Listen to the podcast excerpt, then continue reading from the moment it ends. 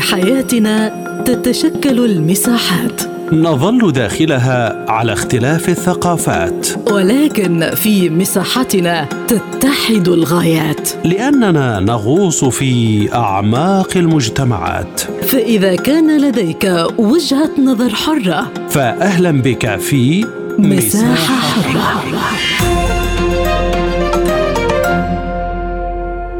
أهلا بكم مستمعينا الكرام في حلقة جديدة من مساحة حرة. معكم خلال هذه الحلقة دعاء ثابت.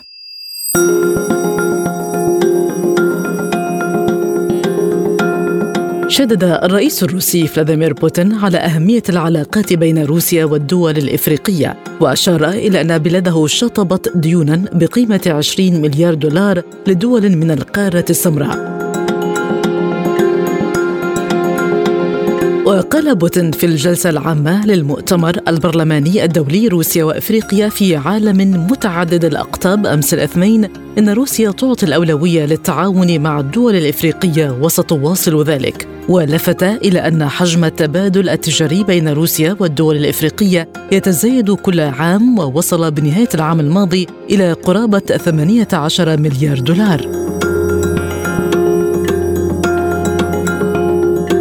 كما أكد أن روسيا ستواصل مساعدة إفريقيا في مجال الكهرباء وتوسيع أنظمة الطاقة مضيفا أنه يجري تنفيذ مشاريع استثمارية روسية كبيرة في أفريقيا بمشاركة شركات روسية محلية مثل روسنفط وغازبروم نفط ولوك أويل وغيرها حيث تواصل روسيا مساعدة البلدان الإفريقية في مسائل إنتاج الكهرباء.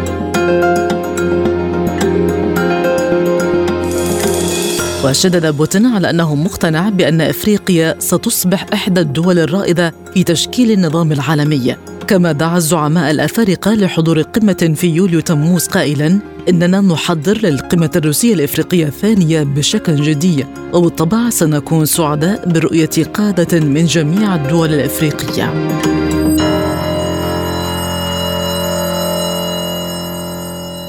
حول هذا الموضوع ينضم إلينا من موسكو الدكتور سمير أيوب خبير الشؤون الروسية.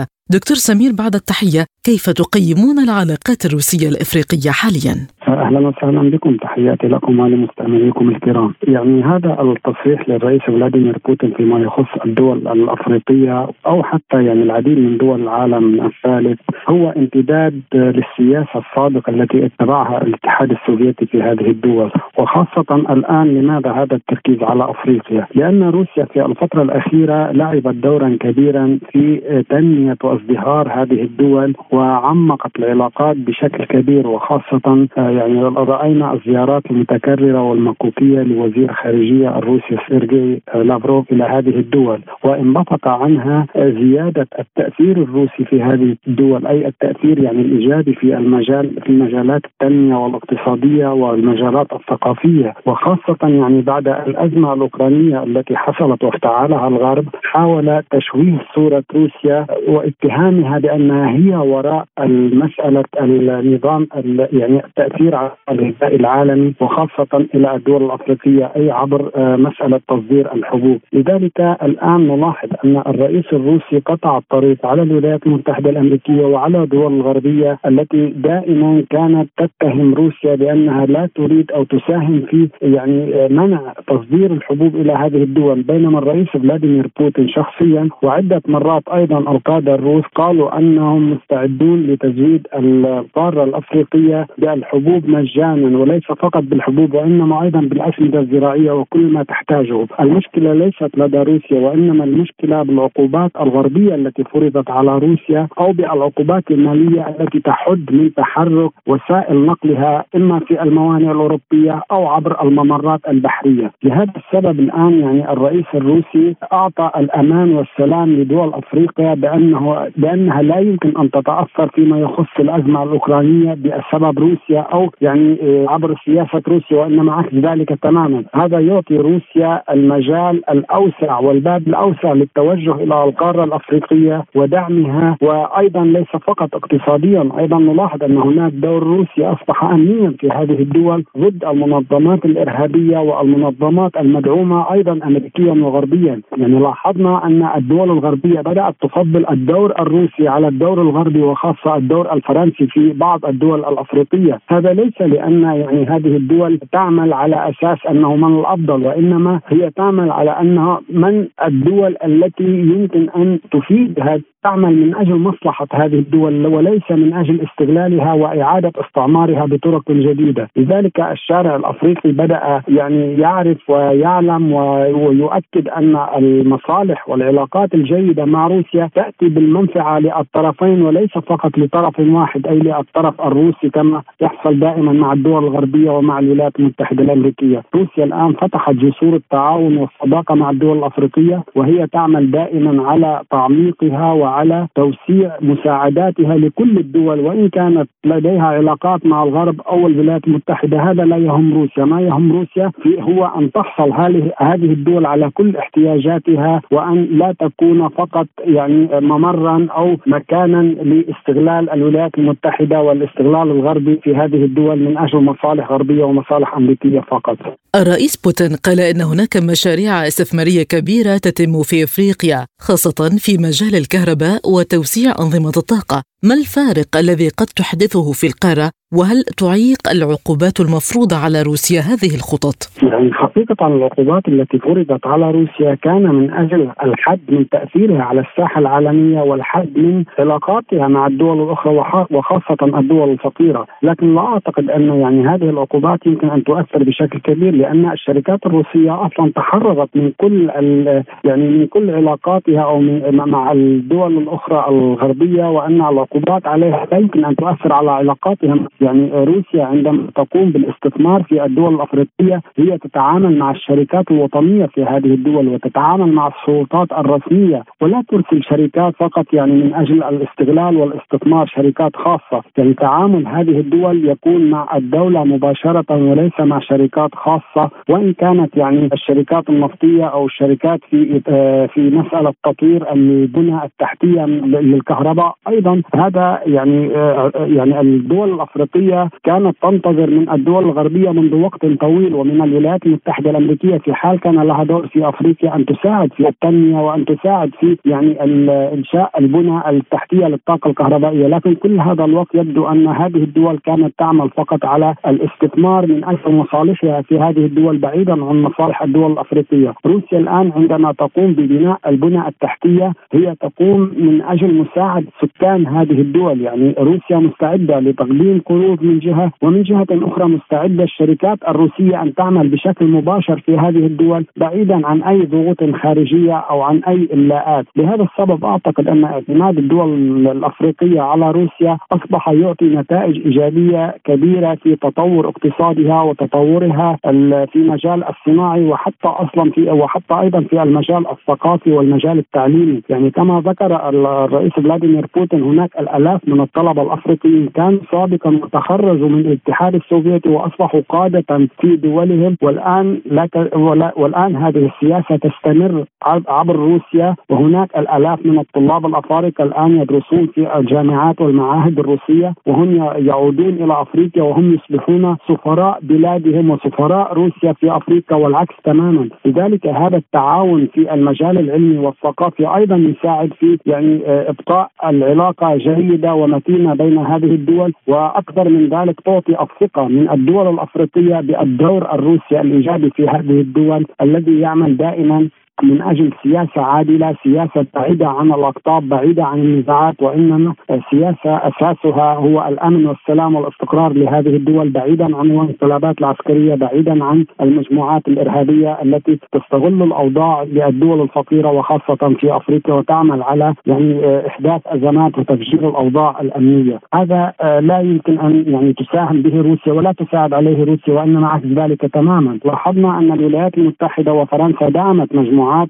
غير شرعية في أفريقيا حاولت القيام بانقلابات وهذا للأسف يعني الدول الأفريقية آه، لا تحدد هذه السياسة الآن. لهذا السبب نلاحظ أن علاقاتها أصبحت تتطور أكثر فأكثر مع الطرف الروسي. بعيدا عن الأطراف الغربية والأطراف الأمريكية وفقط بقيت بعض الدول التي لا تزال يعني لديها علاقات مباشرة أو أنظمة هذه الدول لا تزال لديها علاقات مباشرة مع الغرب وفرنسا والولايات المتحدة، أما معظم الدول الأفريقية أصبح لديها مواقف قريبة جدا من روسيا ومركز أفريقيا وخاصة يعني الدول العربية الأفريقية بالإضافة إلى جنوب أفريقيا لديهم دور بناء وكبير في العلاقات مع روسيا والمساعدة في بناء عالم متعدد الاقطاب، أيضا تساهم الدول الأفريقية في القرارات الدولية، من هنا نرى أيضا أن الموقف الروسي كان يدعو إلى أن يكون لافريقيا صوت في مجلس الأمن، لذلك هذا تقدره أفريقيا وتعمل مع كل الدول يعني الموافقة على هذه في هذه المساله هذه المسألة من أجل متابعتها في المستقبل وأن يكون هذا على أرض الواقع. موسكو اتهمت الغرب بشن حملة لعزلها حيث تضغط على الدول الإفريقية لهذا الغرض من خلال التهديد بفرض عقوبات ووقف المساعدات المالية والإنسانية ما تأثير هذه الضغوطات على العلاقة الروسية الإفريقية؟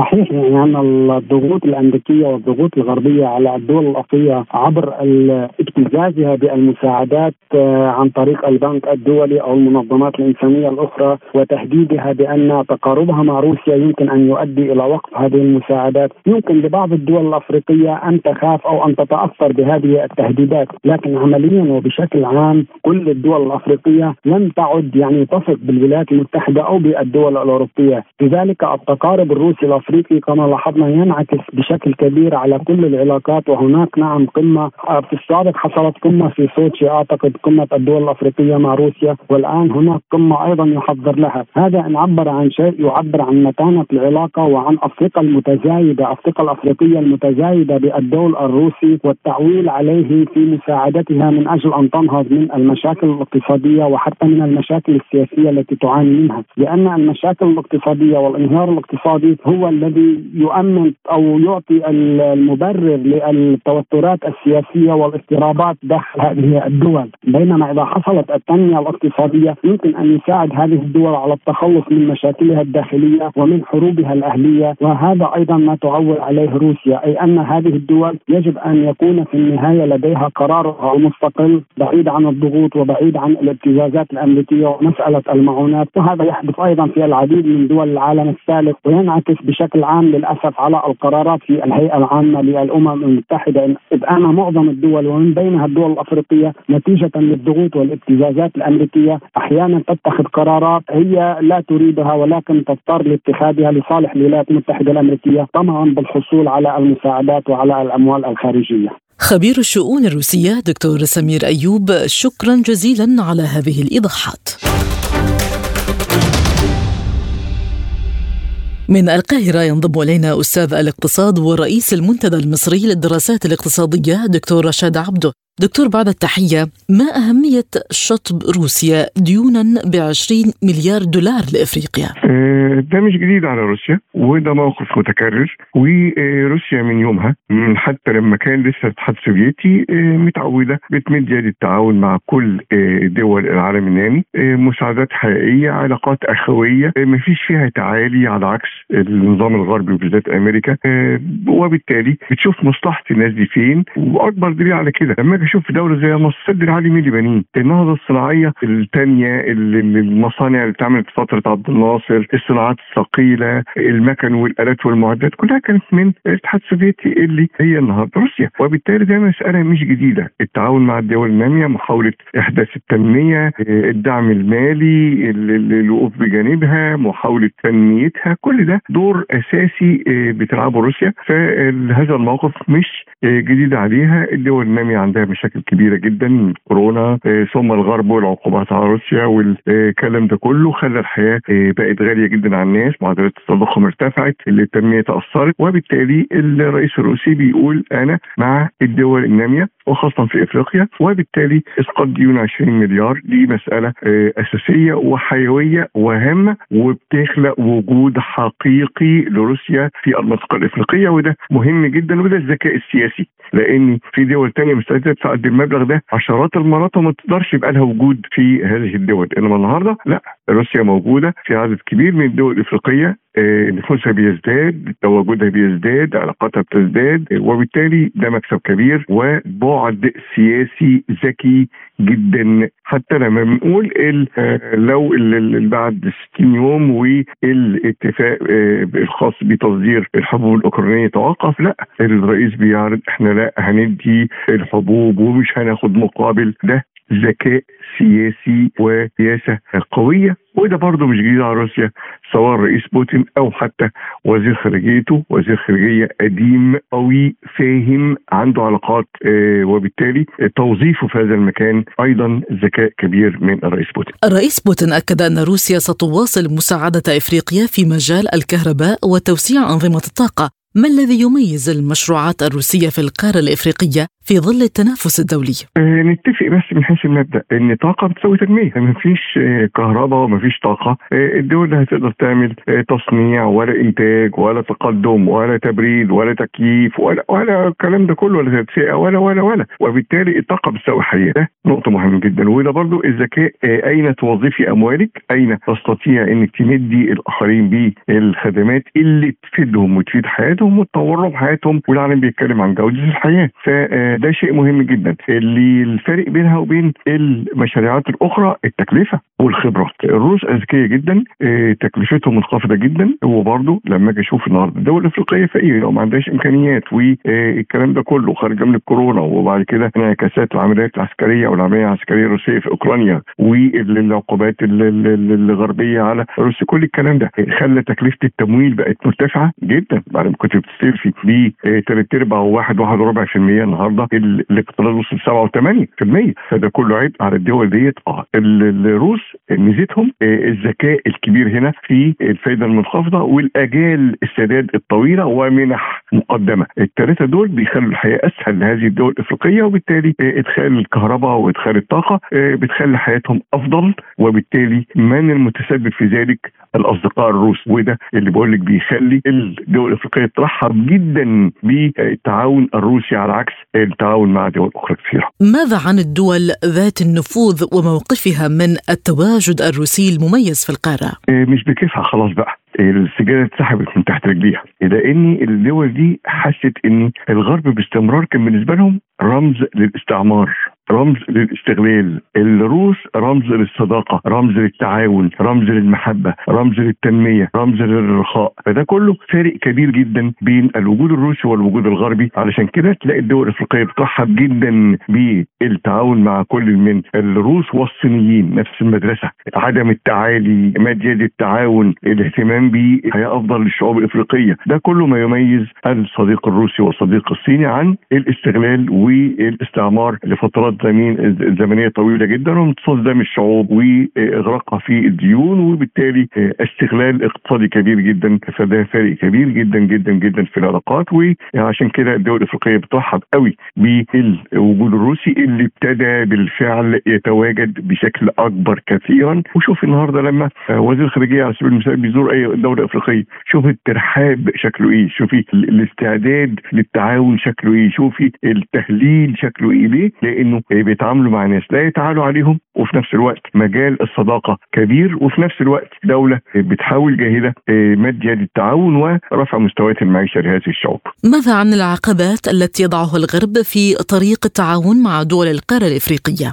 شوفي طبعا بلا جدال لما يكون عندي فوائد آه، غير ما بكون مضغوط اقتصاديا إنما الروس أذكياء آه، بيجنبوا هذه المبالغ للدول الفقيرة لأنها مدركة إن الدول دي محتاجة للدعم آه، الروسي وفي نفس الوقت علشان ما يجدوش نفسهم مضطرين لانهم يلجأوا للغرب بقروضه الكبيرة براسماليته المتوحشة بالكلام ده كله. فطبعا هيتأثر قليلا لكن روسيا دولة قوية جدا دولة عملاقة بدليل لما أجي أشوف على سبيل المثال الدول اللي بتقول إنها متحالفة في مواجهة روسيا ودعم أوكرانيا 37 دولة مخازنها من السلاح كلها نقصت وخلصت وبالتالي ده قصاد دولة واحدة. مخازنها ما فضيتش إنتاجها ما خلصش. إيه؟ عندها خطط عندها رؤى. عندها فكر عندها استراتيجيات.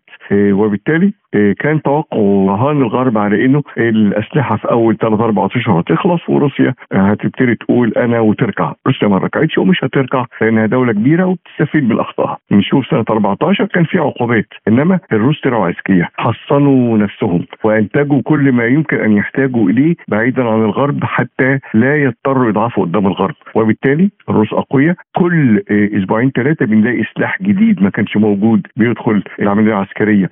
فروسيا عارفة بتعمل إيه عندها خطط. يعني أنا في البداية خالص كنت زعلان جدا. ليه يا روسيا ما بتستخدميش في بداية الحرب؟ آه الأسلحة اللي عندك الأسلحة اللي عندك ال ال ال النفط والغاز. ليه ما بتستخدميش السلاح ده؟ إنما آه أدركت إن الروس أكثر مني ذكاء وعارفين إمتى يستخدموا السلاح وتوقيت استخدامه. وكل وقت فيه المعركة ليه استراتيجيته المختلفة ليه فكره المختلف ليه أدواته المختلفة. علشان كده كان من الذكاء إنه آه، كل مرحلة ليها أدواتها وبالتالي روسيا عارفة بتعمل إيه وعارفة تحقق ده إزاي. وأنا بقول لك في الآخر هي المنتصرة مش آه، الغرب بكل تحالفاته تحت الضغط الأمريكي والدول كتيره اللي قبلت أن تكون مطية لأمريكا وعدم قناعتها بالدعم الكبير لأوكرانيا. إنما أوامر أمريكا آه، تعليمات بالنسبة لهم فاستجابوا لهذا رغم عدم قناعتهم. أستاذ الاقتصاد ورئيس المنتدى المصري للدراسات الاقتصادية الدكتور رشاد عبدو شكرا جزيلا على هذه الإيضاحات.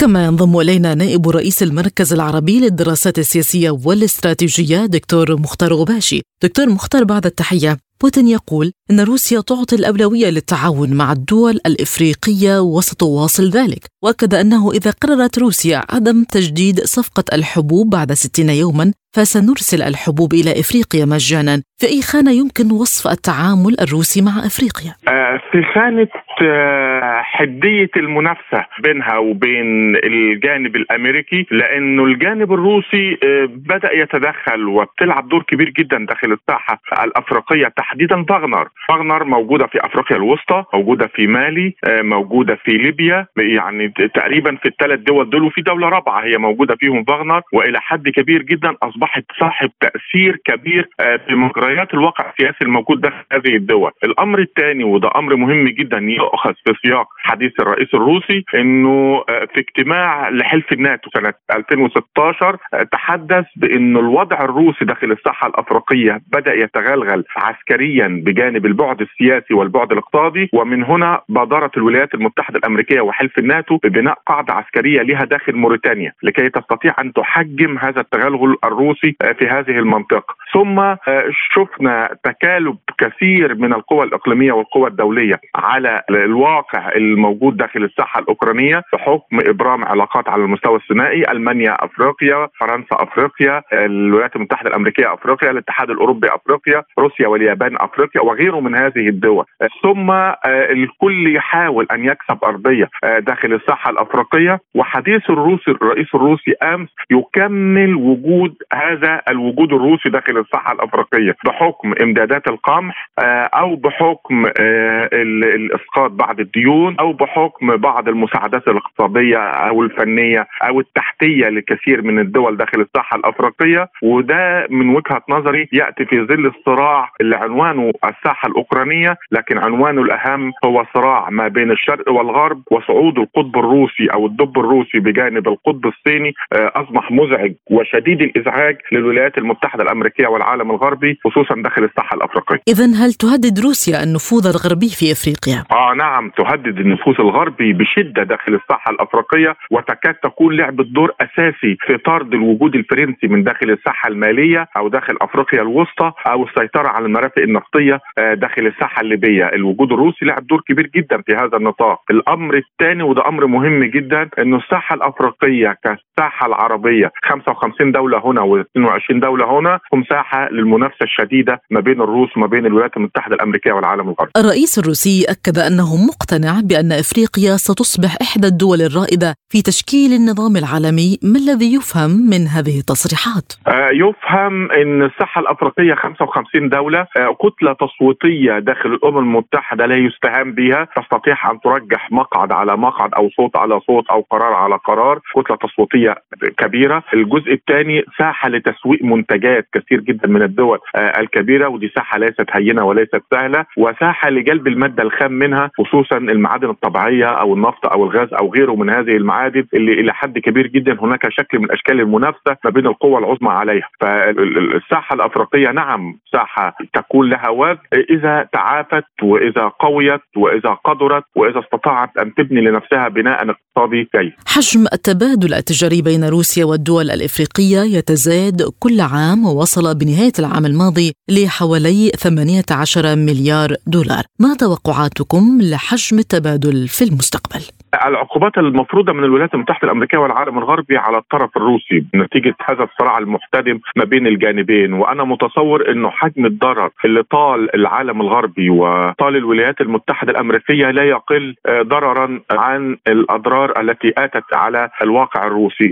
على سبيل المثال ألمانيا أكبر الخاسرين نورد ستريم 2 تكلف 10 مليار دولار وأغلق تضررت بشدة من حالة التضخم ورفع أسعار الغاز خصوصا إن العالم الغربي كان يعتمد على 40% من احتياجاته من الطرف الروسي والطرف الألماني كان يحتاج أو يعتمد على 55% من احتياجاته. هذا الأمر هذا الذي تم آه، مع الطرف الروسي من ناحية الغاز تحديدا آه، أضر بالعالم الغربي بشدة. ثم كثير جدا من الشركات الكبيرة في العالم الغربي اللي سحبت نفسها من الداخل الروسي أصيبت بأضرار مالية واقتصادية ضخمة. الأمر الثالث إنه في بداية أزمة الغاز تضرر أكثر من 1200 مصنع آه، في العالم الغربي ويكاد يكون معظم هذه المصانع أغلقت دخل الطرف الصيني وهو الطرف المساند للطرف الروسي واشترى كل هذه المصانع بأبخس الأسعار فهناك خسارة ضخمة طالت الكثير جدا من دول العالم الغربي خصوصا الدول الرئيسية والأساسية فيه. بوتين دعا الزعماء الأفارقة لحضور القمة الروسية الإفريقية الثانية في يوليو، ما صدى هذه الدعوة لدى الدول الإفريقية؟ صحيح شوفي ال ال ال إحنا اتفقنا إنه ساحة العالم الأفريقي وساحة العالم العربي هي ساحة منافسة شديدة وبقوة آه، وشفنا عند مجيء الرئيس الصيني إلى العالم العربي خصوصا داخل المملكة اجتماعات الثلاثية مع قادة المملكة وقادة دول مجلس التعاون الخليجي وقادة العالم العربي. بادرت الولايات المتحدة الأمريكية بعده مباشرة دعوة العالم الأفريقي وذهب 49 قائد من دول العالم الأفريقي إلى داخل الولايات المتحدة الأمريكية وحاولت الولايات المتحدة الأمريكية أن تقدم إغراءات ارتفعت إلى 100 مليار دولار مساعدات لبنية تحتية ومساعدات اقتصادية وغيره. وهذا الأمر لم يكن يتأتى لولا الوجود الروسي والوجود الصيني الشديد آه، اللي بدأ يفرض واقع كبير داخل الساحه الأفريقية ومتصور انه بموجب هذه المنافسة لم تستطع الولايات المتحدة الأمريكية تحييد كثير جدا من الدول وعند اجتماع أو عند زيارة الرئيس الفرنسي آه، إلى داخل دول العالم الأفريقي شفنا الجدل الكبير اللي دار ما بينه وما بين رئيس الكونغو على سبيل المثال وهو إلى حد كبير جدا لم يكن في مصلحة لا فرنسا ولا العالم الغربي ولا الولايات المتحدة الأمريكية والوجود الروسي الصيني المرحب به هناك إلى حد كبير جدا. لعب دور أساسي فيه. روساتوم تقوم ببناء محطة للطاقة النووية في مصر وتخطط لتوسيع مشاركتها في تطوير أنظمة الطاقة الوطنية في القارة الأفريقية. كيف رأيتم أهمية مشروع الضبعه في مصر وإمكانية تكرار التجربة في أفريقيا؟ هذا بعد مهم جدا وخطير يعني لأنه الطاقة النووية إذا حتى سلميتها أو حتى عسكريتها معروف حدية الصراع الخاصة بها وحدية المنافسة على النطاق الدولي والنطاق الاقليمي الخاص بها. كون أن يكون الروس مرحبين ببوادر هذا التعامل مع مصر تحديدا ومحطة ضبعة شاهد أساسي أو الترحيب بهذا الأمر مع دول في العالم العربي أو دول في الساحه الأفريقية هذا أمر يعطي زخم كبير جدا للعلاقات الروسية. الأفريقية أو الروسيه العربية في هذا النطاق لأنه العالم الغربي وهو عالم محتل ويبتز ويعطي هذه التقنية وهذه الفنية مقابل آه، يعني تقييد قرارات كثير جدا من الدول أو التحكم فيها. وهذا الأمر مش موجود عند الطرف الروسي وده بيعطي له أفضلية آه، في هذا النطاق وأنا متصور إن ده نجاح في حكم السياسة الخارجية الروسية في ظل هذا الصراع المحتدم ما بين الجانبين. نائب رئيس المركز العربي للدراسات السياسية والاستراتيجية الدكتور مختار غباشي شكرا جزيلا على هذا اللقاء.